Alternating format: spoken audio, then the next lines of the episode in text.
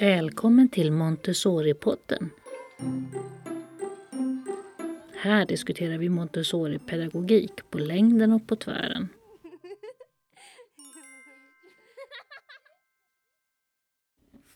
Hej! Maria Schacki heter jag och gör Montessori-podden åt Montessori förskolor och skolor i Sverige AB.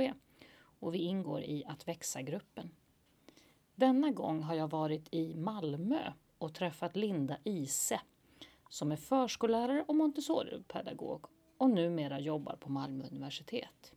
Vi har haft ett spännande samtal om hur vi ska förhålla oss till fantasi, föreställningsförmåga och populärkultur inom Montessori-pedagogiken. Diskutera gärna avsnittet på vår Facebook-sida för en levande dialog. Ni hittar den under Montessori-podden. God lyssning!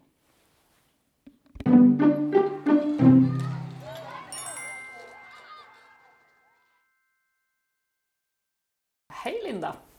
Hej! Trevligt att vara här i Malmö. Ehm, Vi träffades för första gången, är det måste vara 15 år sedan, 15 år sedan var det. Ja. Mm. När vi bägge två jobbade på varsin liten Montessori-förskola i Lund. Mm. Mm. Och eh, slogs för friskolornas rättigheter tillsammans. Ja, Kommunen ville ställa, lite, precis. ställa oss mot väggen lite Ja. grann. Mm, och de Så. blev rätt så ställda mot väggen själva. Ja, de hade inte förväntat sig att vi var så starka tillsammans. Nej. Nej, alla fristående. Ja, det var Mm. roligt. Det var väldigt roligt att mobilisera en sån kraft som Mm. finns eh, ute bland alla de här små förskolorna Verkligen. i Lund med Det var omnejd. Eh, Och olika pedagogiker Mm. som hittade varandra i, i, i liksom kamperna för att få vara olika. Mm. Ja, det var coolt. Men du får gärna berätta lite grann för lyssnarna vem, vem du är i övrigt och vad du har gjort och vad du gör idag och vad vi ska prata lite om. Ja, just det. Eh, ska vi se om vi kan bena ut det då. Ja, Linda är jag såklart då. Eh, och är förskollärare och Montessori-lärare.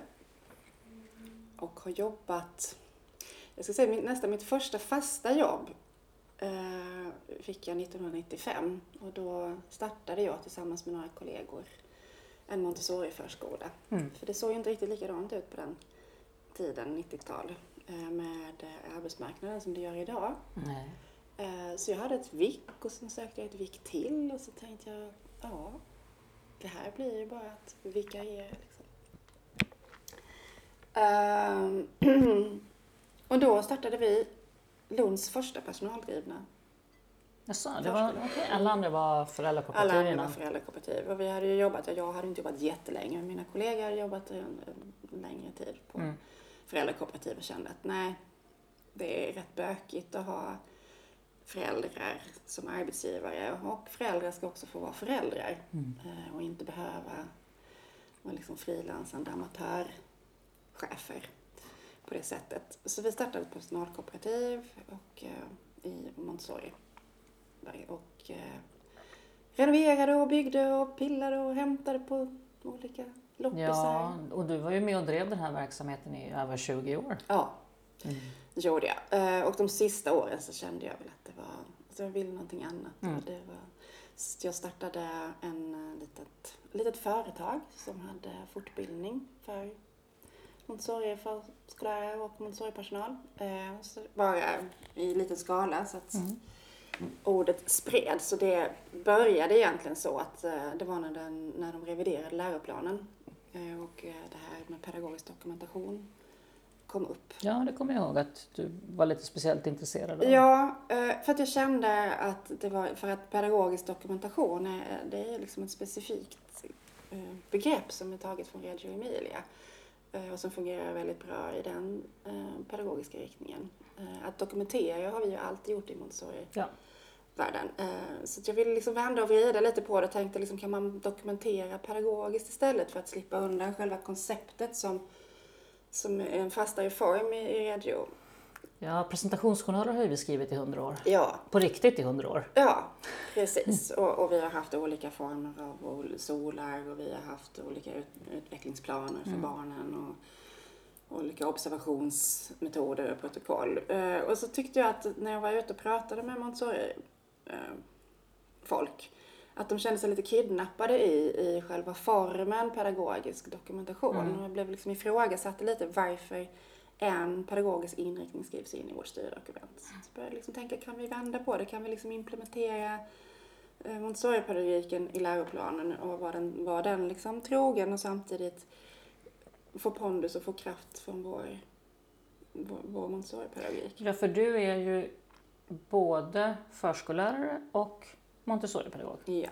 Du har bägge? Jag har bägge utbildningarna. Mm. Och det, jag tänkte på det väldigt, väldigt länge och jag gjorde en liten föreläsning kring, som, som jag kallar dokumentera pedagogiskt här och nu. Mm. Eh, för att jag tyckte just det att vara närvarande pedagog, eh, att vi ser och att vi liksom i alla tider. För en av anledningarna till att jag sökte mig till Montessori-pedagogiken var just den här självklara yrkesidentiteten som vi Montessori-pedagoger hade framför serviceidentiteten mm. i, i Det är sant. Många... Det har framförallt traditionellt varit en stor skillnad. Ja. Mm. Eh, och det börjar gör... kanske ändras lite grann nu. Absolut, och mm. det är ju bra mm. där vi tänker att vi kanske har gått i bräschen för en annan, annan yrkesidentitet. Mm. Säkert. Eh, även om vi kanske aldrig kommer få cred för det. Nej. Nej. Eh, men där tänkte jag lite sådär att jag såg Montessori-pedagoger krokna under app, appandet och mm. pluttrandet och den typen av verksamhet där man liksom tänkte, är det här pedagogisk dokumentation och varför ska vi göra våld på vårt sätt? Mm. Kan vi? Eh, så så började det. Det låter så för övrigt som ett ämne för en helt annan poddiskussion. Absolut. Jätteintressant ämne och väl, det, det blev så att många kom fram till mig efteråt och sa jag har fått min, jag har fått min lust att jobba tillbaka. Mm. Jag har liksom fått tron på mig själv. Härligt. Att jag kan agera utifrån det jag ser. Mm. Vi har ju vår miljö där vi faktiskt kan se barnen i, i, i aktion. Eh, och också eh, se vad de väljer och inte välja åt dem genom att vi tolkar vad de skulle vilja göra. Eh, och så, så det gav ju lite mer smak. Eh, och under den här tiden så fick jag också chansen att eh, vara lärare på Montessoriutbildningen mm. på Malmö universitet. Mm. Och det är då en fristående kurs man kan söka mm. om man är förskollärare eller grundlärare. Eller ämneslärare också för den delen. Och då kom jag in i, i den utbildningen och fick liksom träffa ännu mer Montessori-intresserade pedagoger. Eh, så då började jag jobba med kulturämnet. Sensoriska ämnen, eh, materialen och kulturämnen. du hade en period också där lite workshops på Historiska museet för barn, kommer jag ihåg. Ja, det har jag också haft. I Lund där. Ja, mm. det var under den här, jag gav mig fem år när jag kände att jag bli trött på att vara förskolechef mm. som man var då och pedagog i en verksamhet som var liten och slitig. Mm fantastiskt rolig men slitig. Så då sände jag ut alla tentakler. Så jag hade det här lilla företaget, intresserade mig för pedagogisk dokumentation mycket. Sen så jobbade jag som Montessori på Montessoriutbildningen med det sensoriska materialet och kulturmaterialet till största del. Eh, och sen eh, så var jag också med och startade Historiska museets eh, i Lund, deras pedagogiska verksamhet, mm. när de hade fått lite extra pengar för att hålla helgöppet. Precis. Eh, så då tog jag emot barn mm. Eh, och deras föräldrar på eh, visning av medeltida kyrklig konst och antiksalen och även lite i domkyrkan. Mm. Och det var ju jätteintressant också att få ta del av. Och där kom ju också kulturen in och kunde jobba med tidslinjer och ja, jättefascinerat att att ge barnen en uppfattning, det här är antiken, det här är år noll och under medeltiden som var väldigt vad läckert att kunna ta med sig den kompetensen då in i historieundervisningen ja. på Historiska museet. Ja. Så. Och lite det här liksom att var är vi nu någonstans? Det här är vår... Jag har, den har jag med mig nästan var jag än är mm. och den visar också mycket. Jag har en, en tidslinje som jag har gjort som egentligen bara består av markerade 500 år. Man kan välja var man lägger den. Den är enfärgad. Och så är det liksom 500, 500, 500, hälften av 500 är 250. Så var man än är vid antiken så kan jag liksom tänka här är år noll, Mm. 500 år minus, så ungefär 700-900 år före Kristus. Här har vi antiken. Mm. Och sen så kan man fortsätta. Var man än är. Mm. Så den är jättesmidig att ha. Mm. Mm. Eh, Så den har jag använt mycket där. Så sen gav det lite mer smak så att jag hade också förskolegrupper Mm. på vardagar som kom. Just det. Eh, Så det blev lite splittrat där eh, i, eh, i min yrkeskarriär. Så samtidigt som jag då jobbade med Montessoriutbildning så fick jag chansen att vara, det började som VFU-lärare, alltså vara lärare till, till studenter på förskollärarutbildningen som gick ut i sin verksamhetsförlagda praktik. Mm. Just det. Och då åker man ut och hälsar på studenten i, och har ett samtal med handledare och student. Så då får man ju se otroligt många Mm. verksamheter i förskolan. Jätteintressant. Ja, och ta del av eh, studenternas eh, didaktiska planer och deras tankar för hur de ska...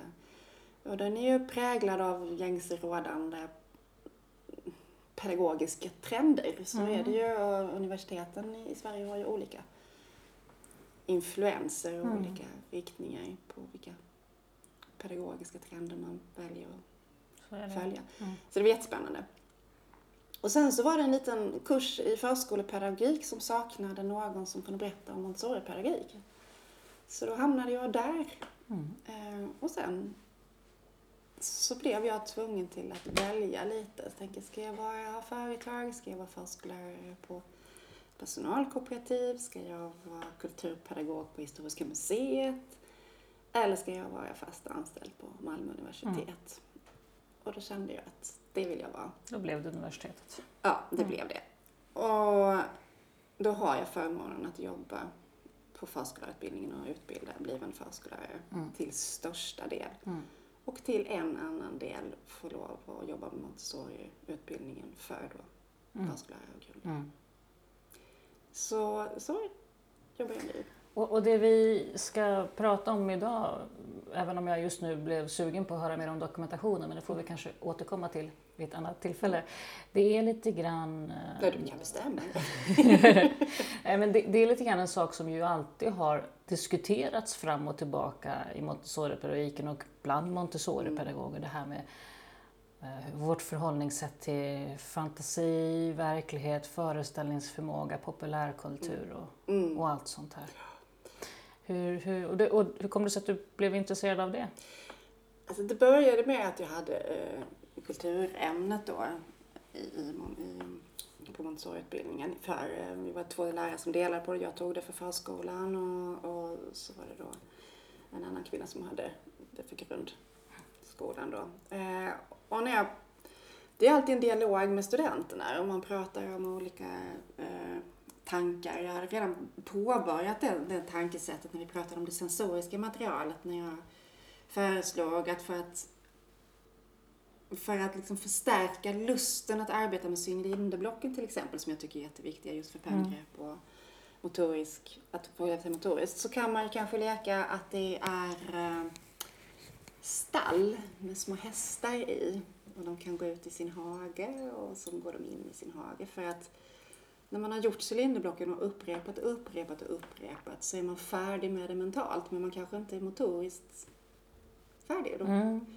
så lekte jag med tanken, nej, men kan vi locka? Och då blev det en diskussion bland, bland mina studenter kring, får man, göra, får man fantisera så? Får man låtsas att cylinderblocken är hästar? Mm.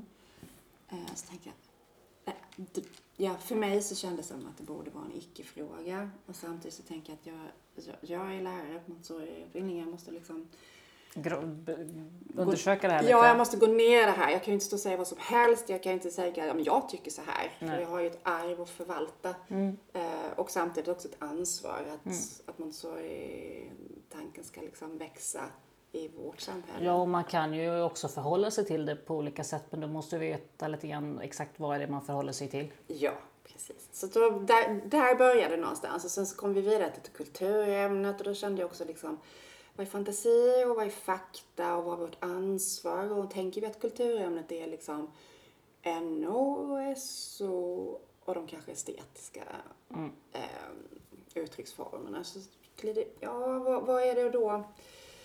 Vad är det då de små barnen liksom ska, ska lära sig? Eh, och då kan man ju visst det gå tillbaka till, till Montessoris grundtanke. Liksom, ja, de behöver lära sig om sin omvärld och de behöver lära sig förstå att de är en del av ett världsall. Kosmiska Ja. planer och allt det Den där. kosmiska planen. Ja, och framförallt liksom vem är, vem är jag och Mm. liksom hur kan jag, om vi nu tänker att vi tänker i jaget bildar laget. Mm. Eh, och, och då började jag liksom bli sådär, först blev jag jättetveksam till, ja då ska man ju liksom börja med det stora, gå in på det lilla. Så tänker jag, men barn idag har ju en helt annan förståelse att min granne bor i det huset och jag har kört dit. Och deras, deras miljö, om man jämför med de barnen som, som Montessori studerade, Mm. är ju helt annorlunda. Och kanske ska vi vara lite djärva i att tänka, vad behöver våra barn? Mm. Ja, de har ju en mycket större värld. Ja, som Redan. de ska hantera. Mm. Och eh, vi kan ju säga liksom att ja, det väntar vi med tills de har förstått världsalltet. Men någonstans tänker jag att att närma sig ett barn idag är att konkurrera med väldigt, väldigt mycket. man känner hur det liksom piper och myllrar i den här hjärnan Mm. av utveckling och intryck. Mm. Och redan från det de har kommit till förskolan så har de liksom gått upp på morgonen. Kanske en del har sett på morgon-tv.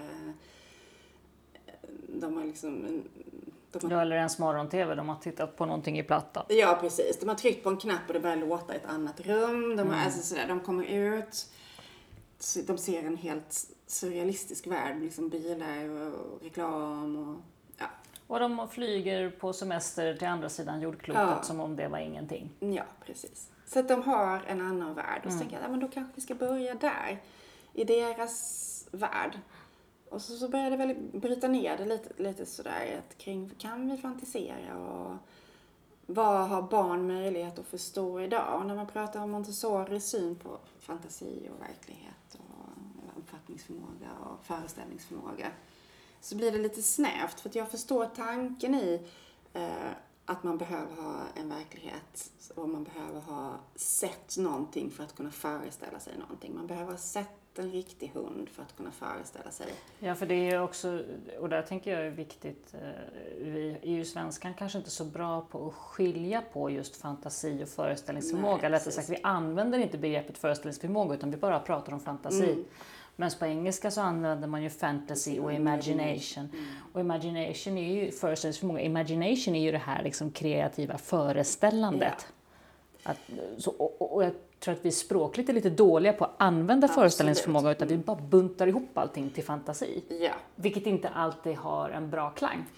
Nej, det blir ju inte så. Och så sprids det här ordet. Jag är i Montessori-pedagogiken. Montessori säger att vi, fantasi är förbjudet. Mm. Man får inte läsa sagor. Och så försöker man liksom förklara att ja, eh, vilka av er hade läst läser Tomtebobarnen eller eh, för, för era barn eller Mm. den här, eh, jag kommer inte ihåg vad den heter, den här som handlar om den här lortiga pojken som läser Snygg eller Peter Snygg kanske den heter. Ja, jag strunt samma. Men det är liksom de här sedeslärande böckerna från, från 30, 40, 50-tal. Precis. Vilka läser det idag för sina barn?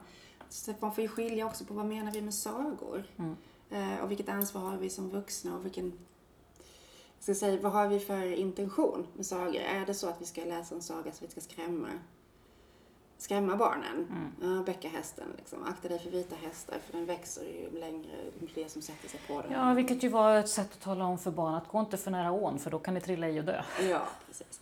Och där får vi liksom tänka. Det var ju så man gjorde. Ja, Ja. och det var ju smart då. Mm. Men nu har vi en annan verklighet att förhålla oss till. Och vi, gör, vi, vi, vi, vi pratar liksom mer kring det kompetenta barnet och vi Mm. vill att barnet ska förstå. Och då tänker jag att, ja, föreställningsförmåga är en väldigt, väldigt bra förklaring till vad man egentligen tänker sig att små barn behöver ha en föreställning om vad någonting är. Att Mm. behöva kunna liksom se det framför sig. Vi kan inte visualisera någonting som vi inte har mött. Framförallt också kanske idag när barn också ser väldigt mycket på tv och skärm så behöver man ju också jobb, möta saker för att kunna ha föreställningsförmåga. Att när man läser i en bok att föreställa sig det. Ja, Att, inte, att kunna göra den inre bilden. absolut. Och kopplingen till, liksom, Mm. till att inte allt är tredimensionellt och rörligt. Nej. Eh, och samtidigt, och så, så tänker jag, jag tänker jättemycket på det här med, ja, då, då är det liksom föreställningsförmåga, det är det vi ska liksom. Och där vet jag när jag själv fick barn, det är helt patetiskt i efterhand när man tänker på det, men jag hade alltså så stora bekymmer i mina tankar kring Duplo-figurerna. Om jag skulle ha en korg till de bondgårdsdjuren och en korg till de vilda djuren, för hur skulle det då se ut om de var blandade? Ja, dup, då Ja, ja. och då kände jag liksom bara att, ja, snacka om tankevurpa, för jag menar Duplo-djuren, föreställningsförmåga. Miljöskadad Montessori-pedagog Ja. blir förälder. Precis, och så var jag bara tvungen att börja tänka ett varv till. Okej, fast grisen och kon är ju för sjutton lika stora. Ja, det här kommer inte gå liksom. För det är de ju ändå inte heller. Nej. Nej. Och sen när man tittar på dem så är det så helt stiliserade figurer som inte ens liknar Nej. En gris. Förutom att den är rosa, vilket grisen inte är. Nej. Ja, så där, där någonstans tänkte jag liksom att, och det, men det vittnar bara om vikten av Montessori-lärare, öppna ögonen och se världen omkring. För vi kan ju bli sådana i våra interna diskussioner. Ja, ja. Lätt. Ja, så det gäller ju att vi kan skratta åt oss själva lite där, tänker jag. Eh, Men en parentes, men jag tillbringar mycket tid att tänka kring, kring det här. Och sen när Montessori då säger att ja, det är viktigt att de får ha en föreställning om hur det ser ut på riktigt. Men vad är på riktigt för barn idag? Om vi tänker rörliga bilder. Om vi tänker, vi börjar med hästen. Till exempel. Vi kan ju åka och titta på en häst. Alla barn har inte möjlighet Nej. att göra det. Och vi pratar också om digitala medel, hur det kan öppna barns världar. Så vi kan alltså se en häst i en hage med, med digitala medel och förstå att det här är en häst. Men den hästen rör sig. Sen kan vi också då när vi, när vi helt plötsligt swishar över till en kanal hitta en reklam på en häst som rör sig. Så det är också, eh, men den hästen är manipulerad för den tillhör en bilreklam och där flyger hästen över en bil. Och någonstans, hur ska barn kunna säga, förstå att när vi ser en häst på en bild, en rörlig bild i hagen, så betyder det att här ser vi en riktig häst. Men när vi ser en häst på reklam för en bil som kör under och den hästen som ser likadan ut som den i hagen flyger över. Det där är inte en riktig häst. Nej. Hur ska man veta att det är liksom Ja. det manipulerade? Precis, och då kan man ju, tänkte jag då, vä- välja två vägar. Då kan vi gå tillbaka till Montessoris ursprungstanke. Ja, man måste ju träffa en riktig häst. Ja, För att kunna se att den kan faktiskt inte flyga. den kan faktiskt inte flyga. Å andra sidan så vet vi att barn som öppnar en kran och vattnet kommer ut, så när de stänger, en litet, litet barn kan inte göra den kopplingen att öppnar jag kranen nästa gång så kommer det vatten också, utan man måste göra det om och om igen. Så det räcker ju inte ens att se en häst en gång. Ja, det är ju som titta ut-leken. Ja. Liksom. Det är, nu var hon borta. Jaha, titta hon fanns ändå. Ja. Det är ju precis samma sätt. Det är därför de kan stå småbarnen och öppna och stänga kranar 20 gånger. Precis. Händer det igen? Ja. Ja. Men titta. Och då faller ju hela tanken, för liksom det är ju en utopi att tänka att alla Sveriges barn ska kunna se en häst flera gånger i sitt liv. Det ansvaret kan vi inte ta på oss som, som förskollärare det, det, eller som Montessori-lärare. Det händer inte. Och då tänkte jag så att då kanske man får börja i andra änden och titta på liksom hur, hur gick Montessoris tankar när det gällde liksom det här ödmjuka sättet att se på att vi har ingen aning om vilken värld våra barn ska leva i. Vi måste bara rusta dem för att ta sig an den världen. Mm. Och det är ju lika sant nu som då.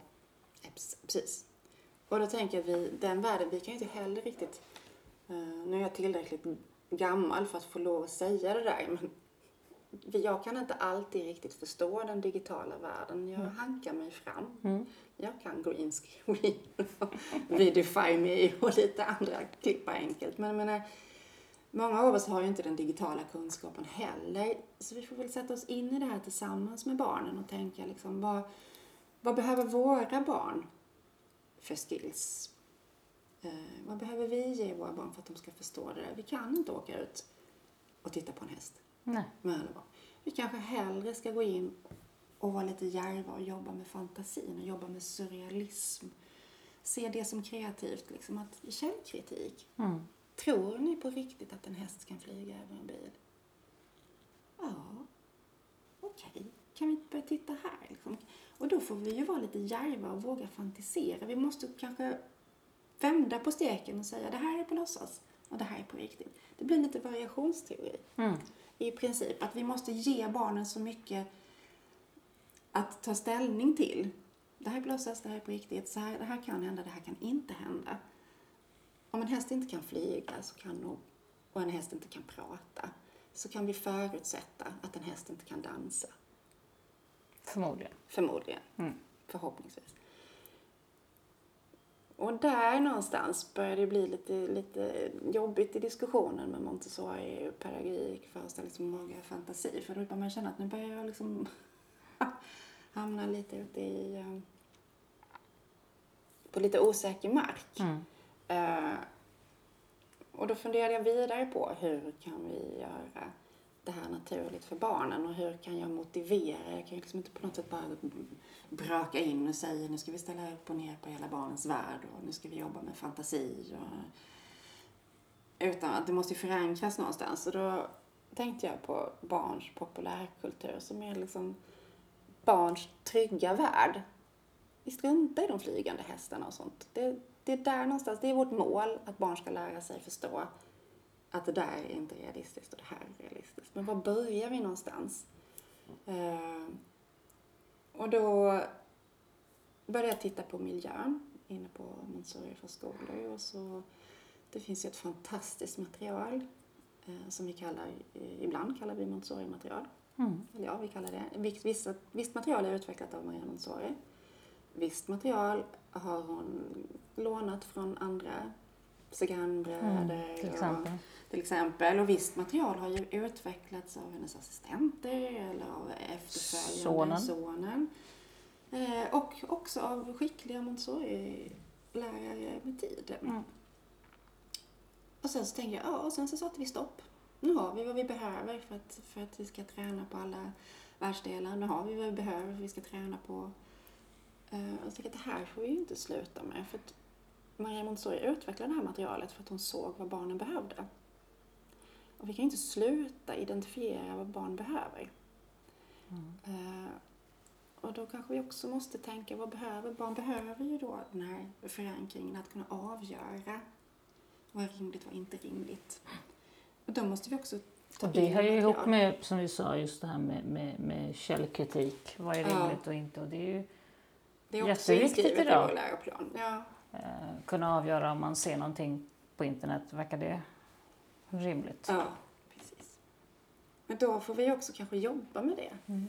Eh, Så såg jag en, en gång ett barn som satt och byggde med Duplo igen eh, då. Fantastiskt material. Mm. Som säkert hade funnits på alla Montessori-hyllor om, den hade, om det hade varit utvecklat av Mm. Montessori. Och så såg jag, och det var liksom, han använde gröna klossar och orangea klossar på en och så var det gröna klossar och röda klossar på en figur. Gröna klossar, blåa klossar på en figur.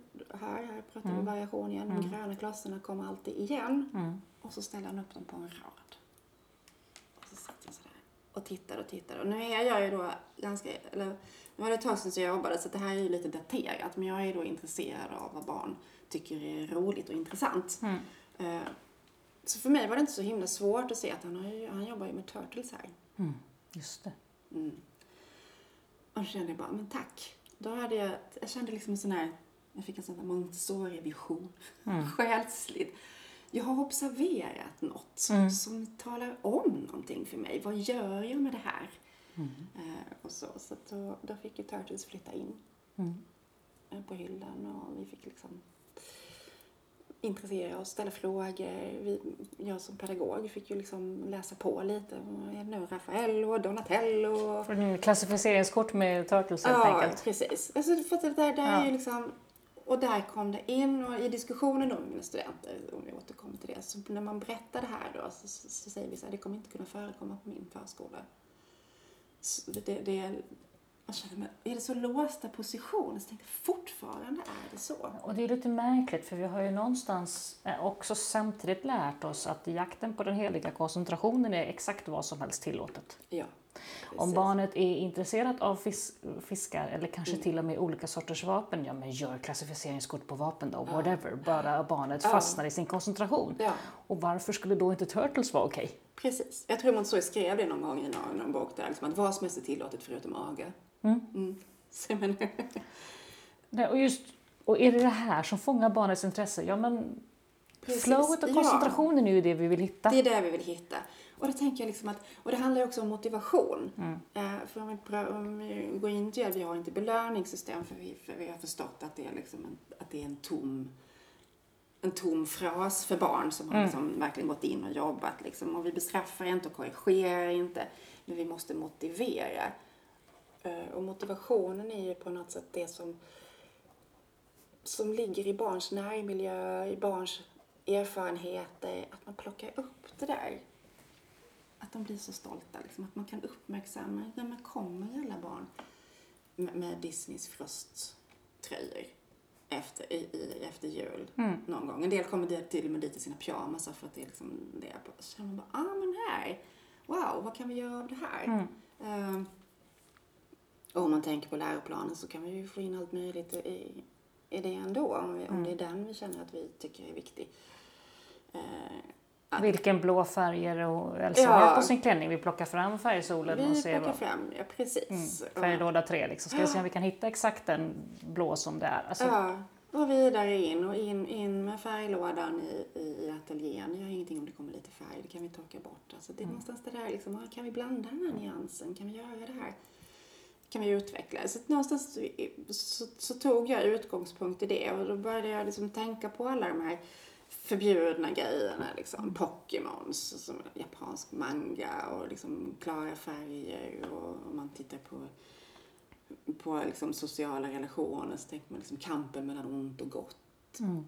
Eh, förståelsen för liksom sport, att, viss, att man, an, man kan anstränga sig inom lagliga gränser. Det finns en kamp i olika turnerspel var en sak. Det är, eh, Pokémon är ungefär samma sak. Ja.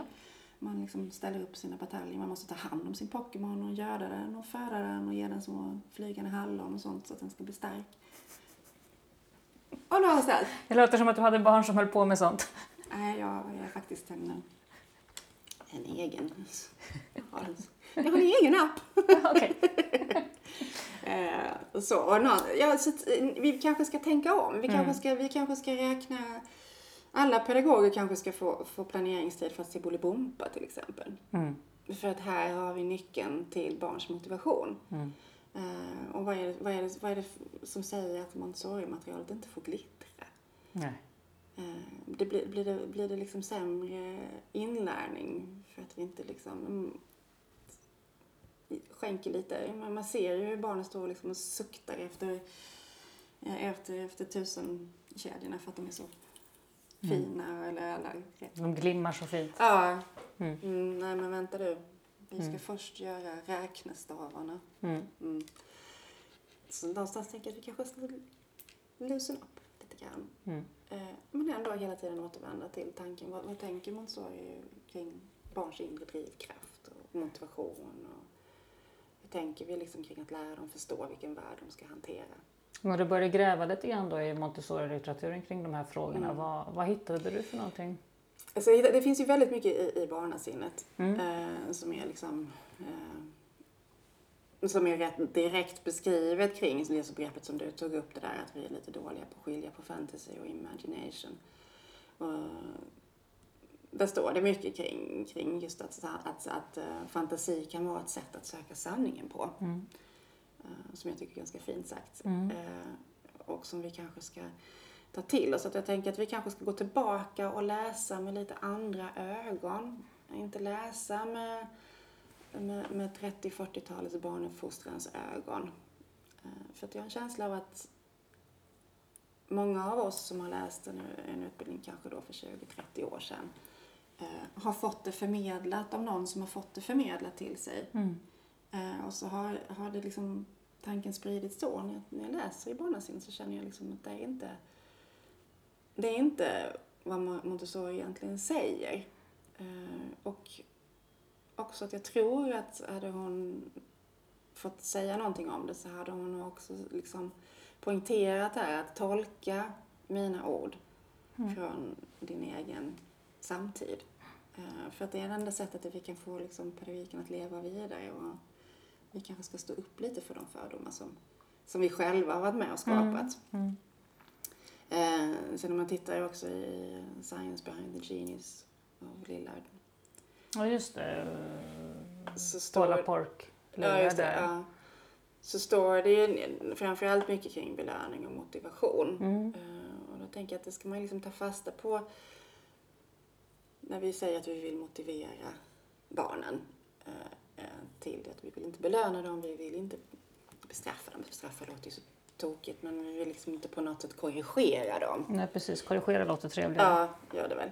Eh, men vi vill motivera dem och då får man ju också gå in och tänka liksom, inte, vi motiverar inte dem med vad jag blir motiverad av. Utan vi måste motivera dem kring det som, som är deras omvärld. Mm. Vad kan motivera barn idag? Och då måste jag ha en aning. Jag kan inte för, liksom, förkasta barns kultur. Eh, Jag kan ju läsa hur mycket Astrid Lindgren som helst och det är fortfarande jätteinspirerande för barn. Eh, Men det finns ju också, ja, som Lisa Nardbåge och det finns ju massa barnkultur och barnlitteratur idag som beskriver helt andra scenarier, beskriver helt andra eh, barnkaraktärer, helt barn som har helt andra relationer till vuxna. Mm. Eh, Och vi läser de böckerna. Vi läser Gittan Gråvargarna, vi läser Gropen till exempel och vi läser massa böcker för, för barn. Men vi plockar liksom aldrig upp signalen kring hur är relationen mellan barn och vuxna Mm. där. Utan istället så, så ser vi det som, ja det är god litteratur, den har fått Augustpriset och det är, barnen tycker de är jätteroliga. Men vi kanske måste notera vad, vad sägs till oss Mm. i, i, litteraturen. Det sägs att barn liksom uppmanas att, att berätta vem de är för vuxna. Liksom att vuxna framställs inte så auktoritära längre. De framställs inte som supergoda heller. De har liksom skavanker, de har fel och de lär sig en hel del av barnen. Alltså sensmoralen i dagens barnbokslitteratur är mycket att, att barnen har rätt. Ja, det är någon slags empowerment Ja, av barnen. Precis. Eh, och det säger ju någonting kring de böckerna, det hör barnen. Mm. Men vad ser de i vårt agerande när vi då ändå samtidigt sätter stopp för deras egen kultur i vår miljö? Mm.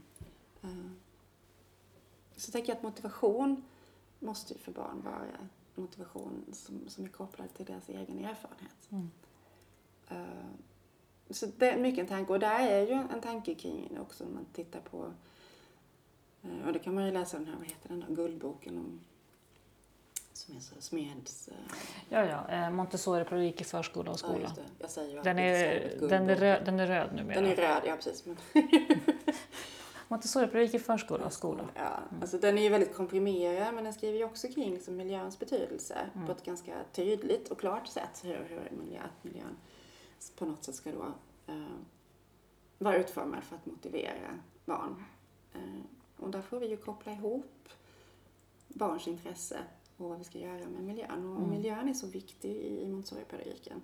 Så att den är till och med liksom, den lyfts fram i, i liksom den här, man kan säga det är en, det är en översikt av Montessori-pedagogiken, den här Montessori-pedagogiken Mm. förskola skola. Om man då liksom lyfter miljön så, så starkt i, i den boken så förstår man ju liksom att, att det, är, det är ju någonting viktigt. Mm. Eh, och då får vi inte slarva bort det. Så det är väl liksom nästa steg i, i, i tanken att vi måste då plocka in, en miljö måste ju vara föränderlig. Vi tänker ju så, vi har inte framme saker som inte är hela och vi har inte framme saker som inte intresserar. Utan vi byter. Men då får man ju också byta, får man ju intressera sig för vad, vad är barn intresserade av idag? Är det turtles eller är det bilar eller är det vapen eller så? Så, så sen tar vi ansvar för det. Mm. Och så plockar vi in det. Eh, och sen kan vi ju arbeta på samma, i samma Montessori-anda, att barnen har frihet att göra att välja vad de vill. Vi presenterar materialet för barnen så de får en förståelse för hur det kan vara tänkt. Eh, vi, vi låter barnen jobba med det så länge de vill. Vi gör barnet uppmärksam på att det står på samma ställe så att man kan hämta det dag efter dag om man är intresserad. Vi sätter in det i sitt sammanhang. Det kanske finns en början, det finns en, liksom, en abstraktion i materialet, en svårighetsgrad till, någonting som lockar lite grann. Vi känner ju igen alla de didaktiska tankarna i det. Och också kanske en sak som jag kan tycka att vi ibland är lite dåliga på. Det är ju att skilja på vad som är aktiviteter eller material som, ju vi, som man observerar faktiskt främjar väcker barnens koncentration. Mm. Ja. Och vad som bara är jag vet, det finns ett uttryckssätt som jag fick med mig på utbildningen här som man kallar för busy activity. Mm. Alltså sånt som de bara... Tidsfördriv. Tid, tack, tidsfördriv. De bara håller sig sysselsatta. Ja. Och det har sitt syfte ibland. Mm. Ibland har vi sådana dagar. Ja. Mm. Men man ska inte inbilla sig att det är koncentration. Nej. Och, och då får man kanske se lite grann ibland, det sättet jag har lagt upp det här materialet mm. på, är det någonting som främjar barnens koncentration eller blir det bara ett tidsfördriv? Okay. Då, då, tänker jag också det, precis det som du säger, att vissa barn hamnar ju i den här fällan, mm. tidsfördrivsfällan. Liksom. Ja, men jag gör det här för det vet jag att de tycker att det är bra. Och så blir jag tyst på fröken. Ja, precis. Men liksom, när man ser barn bygga Rosa tornet och Bruna trappan x antal gånger, det finns liksom ingen lust, men man vet att ja, men jag får åtminstone vara i fred här. Och så, mm. så kan man liksom åtminstone smålåtsas att det är en kloss i en bil. Mm. Någonstans så tänker jag liksom att, ja, men, då är det ju inte så himla bra. Eller man bara liksom slentrianmässigt slinker in i bilrummet och kör, eller vad man, man nu kallas bilrum. Men det är rummet där man kanske finns bilar. Att man bara mm. rullar dem och så krockar de mot väggen och så rullar man nästa och krockar mot väggen. Det finns kanske, man, det finns, kanske finns någonting som barnet talar om för en då. Observerar vi lika tydligt de mm. barnen? Eller observerar vi bara när de bygger Bird's Eye View eller någonting mm. annat? Sitter och jobbar med världsdelskartan.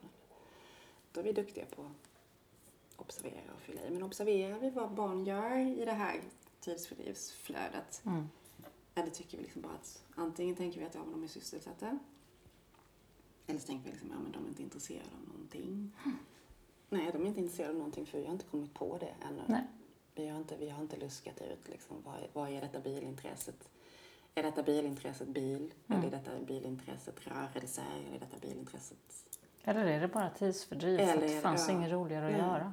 Och då får man ju tänka, vad skulle det här barnet vilja vara intresserad av? Och då behöver vi ju kliva in i barns mm. värld, i populärkulturen eller i omgivningen. Vad gör barnet hemma? Eller vad, eh, att vi inte är så rädda för det. Nej. Eh, och där är vi ju, vi konkurrerar ju med eh, paddor, tv, ja knappt det, men vi konkurrerar ju med rörliga bilder. Då får vi ju gå in där. Kan, mm. vi liksom, kan vi tillverka egna Pokémon-kort till exempel? Kan vi liksom göra egna klassificeringskort? Kan vi liksom fundera över hur vi power, power, man kan göra liksom power-up på vissa Pokémon-figurer? Och det här är vi ju jättenära en alltså guldpärlesystemet mm. här. Om du har fem Pokémon i samma sort så kan du power-up på dem och göra en Växla. mycket starkare. Eller hur? Mm. Då växlar vi. Mm. Vi måste ju se det. Mm. Och då tänker jag så här, om ett barn bara är intresserad av Pokémon, varför ska vi plocka fram guldpärlorna och säga nu ska vi lära oss växling? Mm. När vi kan kliva rakt in i ja. deras kultur. Och så, har, har du liksom... Ja. Och, och då kan man ju möjligen sen göra övergången och säga, vet du vad? Vi kan göra samma grej med ja. de här pärlorna. Mm. Kom ska du få se. Absolut. Alltså, och det är lite så. Och då Vet tycker du vad? De kanske nu ska vi göra Star Wars på, på, på riktigt. Mm. Och så ger vi oss in i, i solsystemet. Mm. Det finns på riktigt, har du tänkt på det? Mm. Nej. Precis. Finns det? Och du ska få se hur spännande det är. Och då är man där liksom. Man har, man har utgått från barns intresse. Jag fick lite samma tankar här för en tid sedan när vi jobbade, jobbade lite grann med det här med Skolverkets kurs kring programmering. Mm. Eh, så har man gjort, eh, gör man ju de här övningarna där man ska sitta och berätta för någon hur man ska rita en fyrkant mm. eller vad man nu ska göra. Och det här med väldigt specifika instruktioner. Mm. Och när vi satt och gjorde det så kom jag nu här, vi har ju faktiskt ett Montessori-material som man kan göra precis det här med. Mm. Detektivleken med trianglarna. Mm. Det här när man säger ge mig den röda triangeln. Nej, nej, det var den lilla röda mm. triangeln. Och, det där, och då tänkte jag, ja men titta, vi har redan ett material som mm. man kan använda i, i, och säga att ja, men det här är programmeringsförberedande. Mm. Eller hur? Och man, man måste identifiera det. Och, och, och, vi kan vara lite för låsta mm. ibland kan jag tänka. Liksom, för när vi satt och gjorde det här tänkte jag, men vänta nu här. Vi behöver inte göra den här på det här sättet. Vi kan plocka fram detektivleken. Ja. Det är så roligt när du säger triangler. Mm. För du vet, jag älskar geometriska byrån. Det är mitt åh, jag tycker den är kul och det är ingen annan som tycker den är lika kul Vi har som alla jag. våra böjelser. Ja. Jag brukar ha när när jag, ska, när jag tar fram den på Montessori-utbildningen så bara, hur många älskar den här? Den är jättetung och jätteotymplig. Eh, och trianglarna. Mm. Eh, och det började faktiskt också så att vi hade en, en pojke som var lite, ja mycket tidsförgrip. Sådär, lite flaxig men väldigt så rolig, intuitiv och kul att samarbeta med. Liksom. Och så tog vi fram eh, trianglarna i den geometriska byrån. Och där finns ju alla liksom. Mm, Trubbvinkliga och de är rätvinkliga och de är liksidiga och sådär. Så gick vi igenom dem och sen så, så hade vi kort och så började jag lite sådär, jag gick bort till en matta och sa att jag beställde av honom och så han bara, men jag vill leka triangelaffär. Ja, men då gör vi det. Så, så vad behöver vi till vår triangelaffär då? Mm. Ja, så gick han fram till en pin, en sån liten barnpinnstol med, med ja, så pinnar på ryggen liksom. Mm. Så tog han fram den och sa, vi behöver den här. Jaha, ja, okej. Och, ja, sen så, så, och sen så måste jag ha kunder. Så då får du väl fråga nu om de vill vara med och leka i din triangelaffär då. Och sen så, så gick han och hämtade två barn. Så vill du vara med i min triangelaffär? Och de bara, ja men hur gör man, hur, hur gör man då? Ja. Och, åh, det är så häftigt, för då börjar han. Jo, förstår ni, det här är trianglar. Och man kan köpa eh, samma triangel tre gånger. Eh, och, och, och här är, är, är era kort och de får ni beställa trianglar av mig. Jaha, så. Och då fick de de här Så de, triangelkorten. då fick de korten. Så skulle de stoppa in korten genom eh, pin, pinnarna i pinnstolen. Det var så affären var beskaffad. Och så innan de förstod det, och sa jaha, tack så mycket, sa han. Och så letade han efter triangeln och, och, eh, Och bytte ut korten och, liksom. så, ja, och så bytte han den. Och så då hade han ju ett kort. Och jag tänkte tre gånger. Det är ju liksom, jag, min hjärna tänkte då, ja vi har ju liksom själva insatsen till triangeln och vi har ramen till triangeln. Mm, mm. Fattade ingenting. Liksom. Men då var det ju kortet som han räknade med. Så han gjorde ju en sån extremt snabb Mm. överslag i, i liksom att han fick ju tillbaka kortet. Mm, Just Så då hade han sålt en triangel, sen kunde han sälja två saker till. Mm. Så bara det där, Mm. alltså, man blir nästan så att man får rörd. Ja. Och sen fortsatte de och sen så började han, och så tänkte jag också just det där att lära tillsammans. Och så, så, så var det ena barnet då som stack in kortet för den, eh, vad heter den där, den trubbvinkliga triangeln. Mm. Eh, och så säger han, här är en pilbåge. Och så lämnar han över den då. Så han gör ju då liknelsen att den är liksom, att den ser ut som en pilbåge. ja, precis. Eh, och det andra, den andra flickan då stoppar tillbaka in en, en, en liksidig triangel. Men så har hon bara uppfattat det här pilbågar, för hon har inte riktigt förståelse för trianglar ännu. Så hon lämnar tillbaka den och så säger hon den, den rätvinkliga då, eller liksidiga. Det här, det här är en pilbåge. Och så säger han, nej, det är en pizza. och så tillbaka.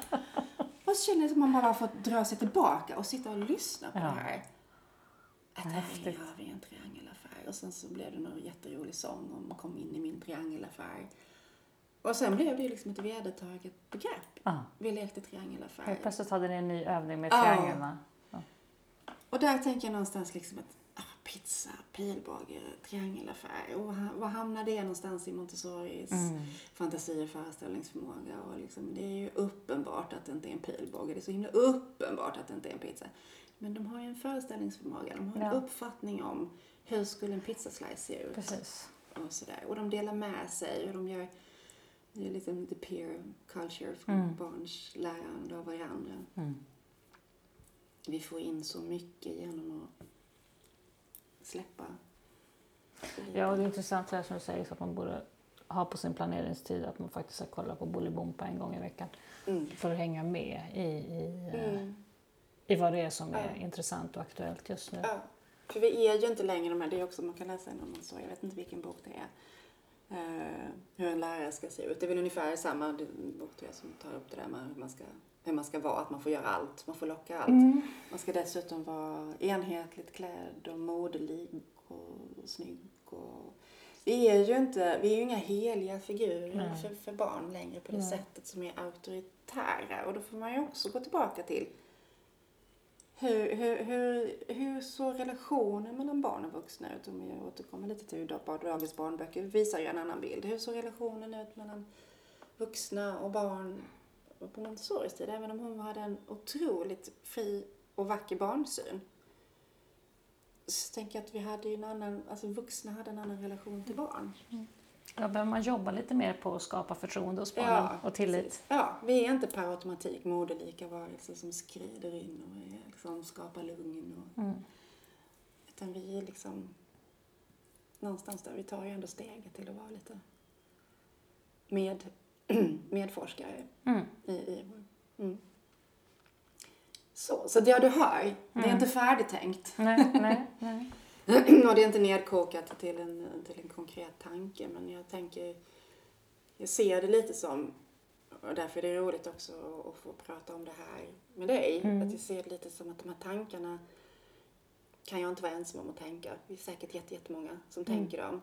Eh, men vi kanske också behöver liksom lyfta dem.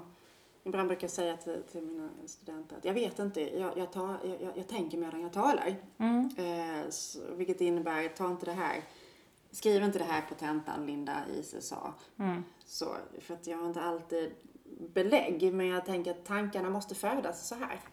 Ja, men någonstans tänker jag också att det handlar ju om eh, det är klart att för att skapa sig en vettig föreställningsförmåga för att kunna bedöma vad som är på riktigt och vad som inte är på riktigt, kan en häst flyga liksom, så måste man ju hitta sätt att grunda verkligheten, mm. absolut. Men samtidigt har vi ju det här då också att som, som vi pratade om i populärkulturen, att ja, men det viktigaste måste, är ju ändå framförallt idag att hit, hjälpa barnen hitta mm. koncentrationsflowet. Mm. Och då får man ju faktiskt vara lite kreativ. Mm. Jag tror att det är svårare idag att hitta barnens koncentrationsflow. Absolut. Jättesvårt. Mm. Jag tänker att har man hittat det ja. och lätt in på vägen via deras eget mm. intresse. Om vi tänker att all undervisning ska utgå från barns egna mm. intresse. Mm. Så tror jag, och jag är ganska, känner att med, med över 20 års erfarenhet av att aldrig ha gjort skillnad på eh, vikten, alltså arbetet om man så har lekt eh, en väldigt bra rolllek, ritat, byggt med Duplo, jobbat med, med guldmaterialet eller frimärksspelet eller i sandpappsbokstäverna. Att under hela min yrkesverksamma tid aldrig gjort skillnad på Montessori-material och vad vi säger traditionellt lekmaterial. Mm. Så ser jag att det finns, inte, det finns inte ett barn i princip som inte under sina fem år på förskolan har inte har visat intresse för Montessori-materialet. Vi behöver, inte vara, vi behöver inte vara så rädda för konkurrensen. För det är ett jättebra material. Mm. Det är ett jättespännande material. Det är urroligt att och, och gå och bära rosa tornet när man är två och ett halvt liksom. Och, och liksom göra sig uppmärksam på när, när räkna, eller längdstavarna blir för långa för att kunna hålla. Det är jättefascinerande. Framförallt om vi klarar av att förmedla den glädjen. Ja, precis. Vilket vi inte alltid är så bra på. Nej. Och jag tänker en annan sak som man kanske också gör. Vi pratade om observationen förut och hade observerat den här killen som byggde sina turtlar. Mm. Och jag tänker det tror jag är ett vanligt fel vi gör.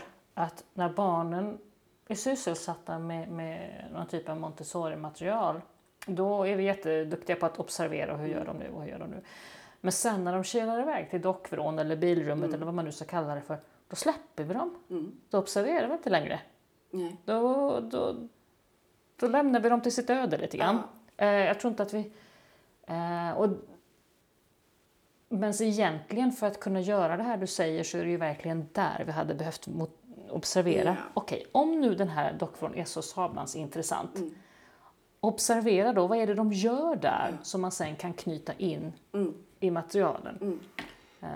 Och kommer det som det här med frost och färgerna ja, liksom, till mm. exempel. Då. Eller leka färg till exempel. Ja. Vi skapar upp jättefina miljöer i den här hemrum eller mm. vad vi, vi kallar det, massa olika saker. Det är alltid så politiskt korrekt vad man ska ja. säga. Mm.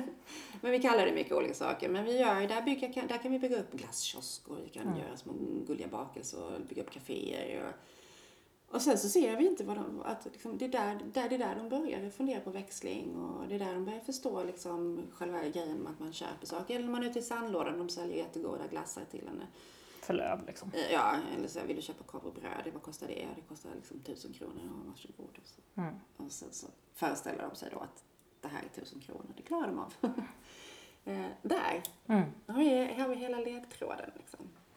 Ja, och, och jag, men jag tänker att om vi hade varit om vi hade varit bättre på att observera eh, den mer traditionella leken Mm. så hade vi kanske varit bättre på att kunna koppla ihop det Mm. med Montessori-materialen. Ja. Men jag tror på något sätt att vi ser det lite grann som rastaktivitet. Ja, och sen tror jag också att jag blivit lite lurad i det här. Alltså, när, jag, när jag började läsa i, eller intressera mig för Montessori-pedagogik så blev jag så glad där det stod det här att vi kallar barns lek för arbete Mm. för att visa hur viktigt det är. Och det tycker jag är en jättefiffig grej. Mm. Förutom att vuxna idag gärna säger åh, arbete, jag måste, arbe- jag måste arbeta. Jag har ju inte själva så positiv Nej, eh, förankring till, vi, till vi, det ordet. vi, vi, vi, vi förmedlar inte direkt sprudelglädje när vi pratar om arbete. Nej. Nej. Eh, Men vi vill, ändå, vi vill ändå ta tillvara på det här, den här tanken att barns lek är så viktig så vi kallar det för barns arbete. Mm. Men vi kanske gör också en liten, vi missar lite där då att, att när vi kastar bort ordet lek för att lyfta upp det Mm. till arbete, innebörden är ju detsamma, lek, arbete, strunt samma. Liksom. Mm. Så missar vi kanske lite liksom mentalt att se leken som, den, alltså den sociala leken som viktig. Mm. Eh, För jag tror att den är liksom nyckeln till, till, till mycket och då, då måste vi vara med på det tåget. Och det gäller ju även utomhus, tänker jag också. Jag Mm. tror att vi, vi hade överlag blivit bli bättre på att observera all barnens aktivitet. Eh, såväl inne som Mm. ute. För att kunna hitta de här. Mm. Det är det som är eh, att vara professionell Ja, någonstans. att vi vågar plocka ut färgsolen till Mm. exempel nu på hösten, sätta fram den, se vad kan vi hitta? Ja, Kan precis. vi plocka? Plocka ut färglåda tre och, för, Ja. och liksom, kan, vi Mm. hitta, kan vi hitta alla orangea färgerna? Mm. Och det, ja, det är ju jätteroligt. Jag har gjort det så kom det något, någon gång har jag sett att de fick gå och hämta färgerna bara. Mm. Och så fick de, visade de inte för mig vad de hade hittat. Och så kom det en, en, en, en, ett barn med en lila, en väldigt lila nyans. Mm. Och man blev också sådär, Hä? Ja men sen gick hon och visade mig. Det var ju höstanemonen Ja. som hon hade hittat. Nej, jag har inte ens tänkt. Ja, för jag hade bara sett framför mig hur de bruna, gula och, och Mm. orangea färgerna, möjligtvis någon gröna. Det, var liksom, det, det ingick bara i min föreställningsförmåga. Mm. Så kom den lila och man är sådär, men nu skulle vi leta höstfärger, ja. Mm. Och så har de hittat en, en Mm. sån höstanemon. Ja, precis. Så det ja, en barns värld. Och, och, och, det där, och likadant att göra sådana saker med botaniska lådan, botaniska kabinettet. Att, att leta lövformer Mm. om man har en rik miljö. Mm. Mm. Men då kanske vi ska vara lite, lite mer, inte vanvördiga, men vi har ett väldigt stort respekt för materialet. Mm. Att det ska liksom förvaras och vara fint och helt och rent. Och det ska det. Men det ska också användas. Någonstans, ja. Mm. Så det är spännande, Mm. Verkligen. Ja. Och där kan man ju också, tycker jag, nu när man ser på miljön, om vi bara en liten, en liten parentes kring det, nu, om vi då ska tänka oss att vi använder barnens eh, egna erfarenheter, egna relationer till artefakter som de faktiskt har, eh, så får vi ju sätta oss in i det och vi får då liksom forma miljön efter det. Men då är det också kanske viktigt att vi höjer upp eh, det här materialet till ett undervisningsmaterial. Mm. Att det är inte bara någonting, det är, det är absolut för att öka barnens motivation, men det är ju det vi undervisar ju ändå. Vi kan ju undervisa med Turtles eller Pokémon och Växlings och, och eh, Frost och allting sånt. Och då, då är det viktigt också kanske att vi ser det som en del av vår undervisning, inte bara någonting som vi gör för att blidka barnen eller göra barnen mer intresserade, utan det är liksom samma. Om vi då tänker, i, att vi tänker oss att den förberedda miljön är undervisning. Alltså att undervisning inte behöver vara en målstyrd process där jag aktivt undervisar i realtid. Mm. Utan att undervisning är när jag planerar miljön efter mina observationer av barn och efter mina intentioner om vad barns intresse just nu är. Mm. Eh, och placerar ut de här artefakterna eller materialet eller det som är barns lekkultur i miljön. Då blir ju det per automatik ett undervisningsmaterial. Mm. Sen blir det ju inte det förrän barnen aktivt använder det. Men det kommer det ju göra om, om, jag, om jag känner mina barn. Mm. Så det, och det Vilket har, man ju bara kan göra om man har observerat dem. vilket man bara kan göra, precis. Och precis som du säger, att man bara att man observerar i andra situationer än, Mm. än eh, de som vi har listor på. Mm. Så att säga. precis. Mm. Eh, och det tycker jag är viktigt och det har vi diskuterat mycket kring när, när eh, nya läroplanen kom nu. Kring när undervisning och utbildning är inskrivet på ett annat sätt i läroplanen. Och vi känner, man känner att här har vi i Montessori-pedagogiken, här kan vi sträcka på oss. Mm. För vi har en tanke om vår undervisning i och med att vi faktiskt förbereder miljön. Men eh, en undervisningssituation en individuell undervisningssituation pågår ju, är ju alltså under ett pass. Mm. Om man är inne mellan mellan nio och tolv kanske. Så kommer jag kanske ha jag kanske kommer ha liksom mött ett tiotal barn så här och kanske aktivt undervisat i relation till dem. Mm. Men resterande tio barn har jag också undervisat genom att jag har sett till att de har tillgång till material Mm. i miljön som jag vet. Du har ju undervisat dem indirekt. Ja, Mm. och det är också, tänker jag, här kan vi göra någonting som Montessori-pedagog, att vi kan sträcka på oss och, och förmedla det. Eh, för det är inte självklart, vi ser det som självklart. Mm. Men tolkningen av den nya läroplanen eh, är inte alltid den. Nej, bara genom att ha i- iordningställt en, en, en miljö så har vi som du säger iordningställt en undervisningsmiljö. Ja. Eh, Och det, det får vi kanske stå upp för lite grann och inte göra samma misstag nu om vi återvänder till pedagogisk dokumentation där det liksom blev kris och panik på massa Montessori-förskolor. Man kände sig överkörd hur ska vi implementera det här i vår pedagogiska tanke. Utan vi kanske liksom inte ska göra det misstaget utan vi ska sträcka på oss som vi skulle ha gjort då och sagt vi har dokumenterat i alla tider. På det här sättet tänker vi dokumentera. Det står ingenstans i läroplanen att vi måste ha pedagogisk dokumentation. Däremot måste vi dokumentera på ett pedagogiskt sätt. Det står ingenstans i, undervisning, i nya läroplanen om undervisning att det måste ske på ett, på ett eh, en till en eller från en lärare till en grupp vid ett specifikt tillfälle. Utan det kan uppstå i spontana situationer till exempel. Och det kan vara en för, förberedda situationer. Och då får vi ta tillbaka det och tänka, ja en förberedd situation. Det kan vara en förberedd miljö. Så att vi inte gör ett misstag igen och tänker, jaha nu står det det här i läroplanen, då måste vi ändra på oss. Vi har undervisat i alla tider. Sen, sen, liksom vi började, sen vi började kallas Montessori-pedagogik. Hundra år sådär på ett Ja. ungefär. Precis. Och då, då ska vi ju inte tänka att jaha, nu ska vi anpassa oss igen. Mm. Vi, har, vi har våra styrdokument, det är läroplaner. Det kommer vi inte undan och det ska vi inte göra heller tycker jag. Men vi kan ju tolka. På, på något sätt så, så knyter det här sista lite grann ihop tycker jag. Hela det här samtalet vi har haft kring att vi måste som Montessori-lärare dels våga sträcka på oss lite grann och vara lite stolta och stå lite upp för pedagogiken. Ehm, tvärt emot de fördomar som finns. Mm. Ehm, och också då att eh, eh, våga, som du säger, loosen up lite grann. Mm. Våga tänka lite utanför boxen. Mm. Eh, Vilket jag i och för sig tror kräver att man har orkat grunda sig lite grann i pedagogikerna. Mm.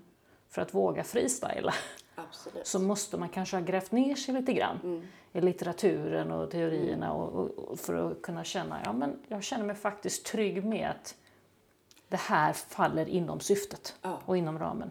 Och jag tror att det är som du säger, man måste grunda det. Man måste återvända till källan Mm. och inte liksom tacksamt bara ta emot liksom mouth to mouth.